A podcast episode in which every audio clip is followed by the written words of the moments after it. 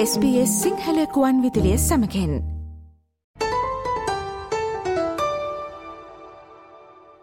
SBS Sinhala ගුවන් විදුලිය අද දවසේ ඔබ වෙතගෙන එන කාලීන තොරතුරු විග්‍රහයෙන් ඔස්ට්‍රලියාවේ ආක්‍රමණශීලී බැක්ටීරියාවක් මගින් පැතිරෙන මොලේ උනරෝගය පිළිබඳව නිකුත් කර ඇති අනතුරු ඇඟුවීම් පිළිබඳව නවතම තොරතුරු ඔබ වෙතගෙන එනවා. ආක්‍රමණශීලී මෙනිංචෝ කොකල් රෝගය හෙවත් මෙම බැක්ටීරයා මගින් සෑදෙන මොලේවුණ රෝගයේ රෝගලක්ෂණ පිළිබඳව සුපරීක්ෂාකාරී වන ලෙස සෞඛ්‍ය විශෂක්නයෙන් අනතුරු අඟවනවා. ඔස්ට්‍රලියාවේ මෙම රෝගීන් අකණ්ඩව ඉහළයාමත් සමඟ එනම් පසුගේ වසරේ එම කාලය හා සසඳන විට දෙදහස් විසිතුන වසරේ පළමු භාකයේ රෝගීන් සයට හතලිස් නමයක වැඩවීමක් වාර්තාවයිමත් සමඟ මෙම අනතුරු ඇගවීම් නිකුත් කර තිබෙනවා. අද අපගේ දවසේ කාලීන තොරතුරු විග්‍රහයෙන් මේ පිළිබඳව වැඩිතුර තොරතුරු ඔබ වෙතිකෙනීමට අප බලාපොරොත්තු වනවා. මෙනිංච කොකල් රෝගය ඕනෑම කෙනෙකුට බලපෑ හැකි නමුත් විශේෂයෙන් මාවධානයට ලක්විය හැකි අය අතර ලදරුවන් වයසවුරුදු පහට අඩු ළමුන් වැඩිහිටි යෞවනයන් සහ ඔස්ට්‍රලයානු ආදිවාසීන් නැතුළත් වනවා. නිසේරයා මෙනින්ජිටයිඩීස් නම් බැක්ටීරියාව නිසා ඇතිවන ඕනෑම රෝගයක් මෙනිංච කොකල් රෝගය ලෙස හඳුන්වනු ලබනවා.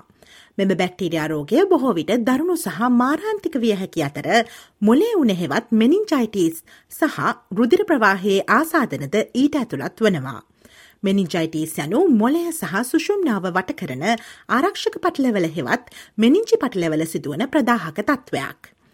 නිසි ප්‍රතිකාර නොකළහොත් එමගින් අත්පා හිමිවීම වැනි දිගුකාලීන සංකූලතා ඇති කරන අතර මරණය පවා ඇති කරනවා. ඔලිවියා කිම්බල් යනු සිද්නි නගරයෙන් පිටත විල්ටන් හි ජීවත් වන දෙදරු මවක්. ඇගේ පුතාවන ඔස්කාට ප්‍රථමවරට මෙම මොලේ උනරෝගය වැළඳී ඇත්තේ ඔහුට වයස මාස දහයේදී. ඇය ඒ හඳුනාගත්තාකාරය පැහැදිලි කළේ මෙලෙසින්. That was about 9.30 at night when I heard like a big vomit and had a really high temperature. I just knew something was wrong. So my husband stayed with my daughter at home and I said, I'm just going to take him to hospital. Something doesn't seem right. Um, he had like a little oxygen mask over his face and he was hooked up to a million things and they started treating him for meningococcal. I remember saying to my husband, like, I, I actually think this is hell. Like, I, I feel like we're living in hell. I just want to give these people all the money that we can to just walk back out with a healthy baby. Like, I just want to guarantee that I'm going to be walking out of here with my baby. මෙනින්ජයිටස් හෙවත් මොලේ වුණ බොහෝ විට වෛරස bacteria හෝ දිලීරවැනි ආසාධන රෝගයක් වන නමුත් ඊට හේතුවන ඖෂධ පිළිකාවැනි වෙනත් හේතුකාරකද තිබෙනවා.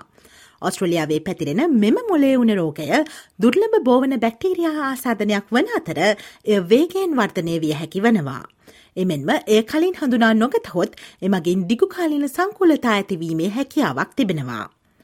තම පුතා රෝගලක්ෂණ පෙන්නුම් කරන විට ඇයට ඒ පිළිබඳව වඩාත් හොඳින් දැනුවත්ව සිටියා නම් ඒ වඩාත් සුදුසු බව කිම්බල් මහත්මිය විශ්වාස කරනවා. රෝගය පිළිබඳව ප්‍රෝට්ටිවලින් අසා තිබුණක් මෙන් මතක ඇති නමුත් ඒ ගැන තමා වැඩි උනන්දුවක් නොදැක් වූ බවයි ඇය පවසන්නේ. I knew of it, like I'd seen it on the news. Like I was never really too fussed about it, I guess, because it was kind of one of those things that you thought, oh, that would never happen to us. So even when they initially said they were testing for it, we weren't worried because we were like, well, that's not going to happen to us. And I guess no one really ever spoke about it. So it was kind of, if you saw it on the news, you would see, you know, a story every now and then, but it wasn't something that was on our radar. ඔස්ට්‍රේලියාවේ සෞඛ්‍ය විශේෂඥයින් විසින් මෙම මොලේ උන රෝගයට එරෙහිව එන්නත් ලබා ගැනීමට ජනතාව දිරිමත් කරනු ලබනවා. මහාචාර්ය රොබට් බෝයි යනු බෝවන රෝග පිළිබඳව ළමා රෝග විශේෂඥ වෛද්‍යවරයෙක්. එම රෝගය ආසාධනය වූ මුල්ලවතියේදී ඒ හඳුනාගන්නේ කෙසේදැයි ඔහු විසින් පැහැදිලි කරනු ලැබවා. ශ්වසන ආසාධනයකින් ඇතිවන මෙම බැක්ටීරයා රෝගය උගුරයාමාරුවක් වැනි රෝගලක්ෂණයකින් ආරම්භ වී පසුව එය වර්ධනය වී අත්පා සීතල වන අතර සමමත පළුමතු වී කැසීම් ඇතිවිය හැකි. පසුව මෙම දම්පාට කුෂ්ට අත්පා සහ මුහුණේ පැතිරිය හැකි.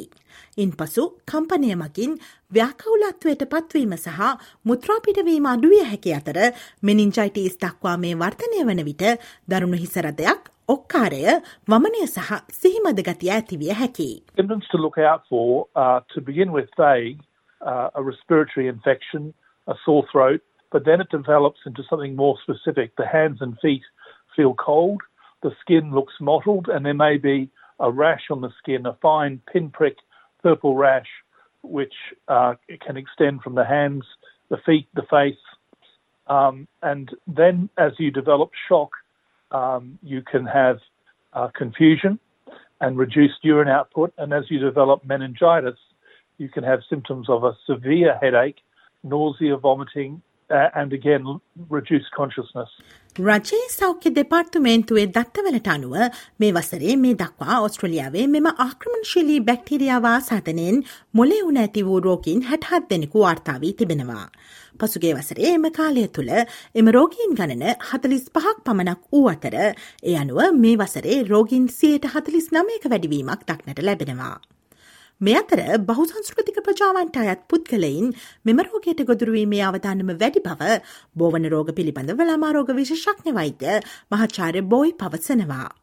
එකම වාසස්ථානයක බොහෝ පිරිසක් එකට සිටින විට එකිනෙකා අතර මෙම විෂබීජය පැතිරීමේ වැඩි අවධානමක් ඇතැයිද ඔහු පෙන්වා දෙනවා. If you have many people living in the same residence, uh, you're at greater risk of spreading the germ between each other. So multicultural families uh, can be at greater risk. Uh, an example is Muslim communities. We have had on a number of occasions uh, meningococcal disease spread during the Hajj, the annual uh, religious pilgrimage of Muslim people. And not only can it cause outbreaks in Mecca in Saudi Arabia, they can bring the germ back with them and pass it on to children and teenagers back in Australia. මෙනිංචකොකල් රෝගය bacteria මගින් බෝවන රෝගයක් වන නිසා එය එක් පුද්ගලයකුගෙන් තවත් පුද්ගලයකුට රුජුව සම්ප්‍රේෂණය වනවා. කැරේන් quick යනු ඔස්ට්‍රලියාවේ මෙනිංචයිටස් මධ්‍යස්ථානයේ ප්‍රධාන විදායක නිලධාරිණියයි. බොහෝ අය තමන් මෙම රෝගය සම්ප්‍රශ්නය කරන බව පවා නොදන්නා බව ඇය පවසනවා. සමස්ත ජනගහනයෙන් විශාල පිරිසක එනම් ජනගහනයෙන් සියයට විස්සක පමණ පිරිසකගේ නාසයේ හෝ උගුරේ පිටුපස මෙම බැක්ටීරියාව ජීවත් වන අතර ඔවුන්නේ ගැන දැනුවත් නැහැ. නමුත් අපේ නාසයෙන් හෝ මුකයෙන් පිටවන බිඳිති මගින් එම බැක්ටීරියාව පැතිරෙන අතර පසුව ඒ රුදිර ප්‍රවාහයට ඇතුල් වී ආක්‍රමණශීලී වූ විට එය ගැටලුවක් බවට පත්වනවා. a lot of the population, uh, about 20% of the population, carry the bacteria in the back of their nose or throat and don't even know. So it's spread by droplets from our nose or our mouth, and then it gets into our bloodstream, and that becomes invasive, and that's when it becomes a problem. GSK Australia ආයතනය විසින් දෙමවපියන් තුන්සියක් යොදාගෙන කරන ලද සමීක්ෂණයකින් හෙළි වූයේ ඔවුන්ගෙන් සියට හැත්ත හතරක්ම මෙම රෝගයේ මුල් අවදියේ රෝග ලක්ෂණ හඳුනා ගැනීමට අපහසු විය හැකි බව නොදැන සිටි බවයි. මෙම රෝගය මගින් විනාශකාරී ප්‍රතිවිපාක ඇති කළ හැකි බව දැන සිටියේ එම දෙමවපියන්ගෙන් සයට හතලි සතරක් පමණක් බවද එම සමීක්ෂණය මගින් හෙළිවී තිබෙනවා. මෙම රෝගය සාමාන්‍ය සැම් ප්‍රතික්ෂාව ලෙස පහසුවෙන් වරතවා වටහා ගත හැකි පැවින් මෙම රෝගය පිළිබඳව වඩා හොඳින් දැනුවත්වීම ඉතා වැදගත් බව ක්වික් මහත්මිය විශ්වාස කරනවා. බැක්ටීරයා මගින් සෑදෙන මෙම මොලෙවුණු රෝගය ඉතා වේගයෙන් වර්තනය වන බැවින් මෙනින්ජොකොකල් රෝගයයි සැක සහිත යම් රෝගලක්ෂණයක් තම දරුවාට ඇත්නම් වහාම වෛත්‍ය ප්‍රතිකාර ලබා ගන්නා ලෙස ඇය දෙමව්පියන්ගෙන් ඉල්ලා සිටිනවා. It's really important that parents are really aware of the signs and symptoms.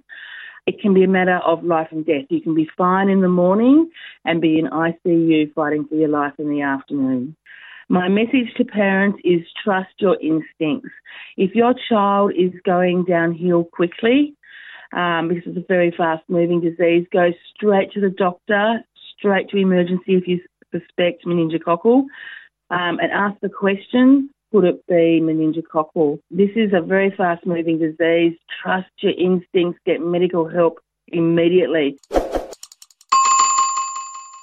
SBS Sinhala සේවය විසින් දෛනිකව ගෙනෙන ඕස්ට්‍රලියාවේ කාලින තොරතුරු ඇතුළත් ගුවන් විදුරි විශේෂාංගවලට සවන්දීමට sps.com.au සිංහල යන අපගේ වෙබ් අඩවියට පිවිස ඉහළ තීරුවේ ඇති මාතෘකා යන කොටස කලික් කොට කාලීන ලෙස නම් කොට ඇති වෙබ් පිටුවට පිවිසන්න.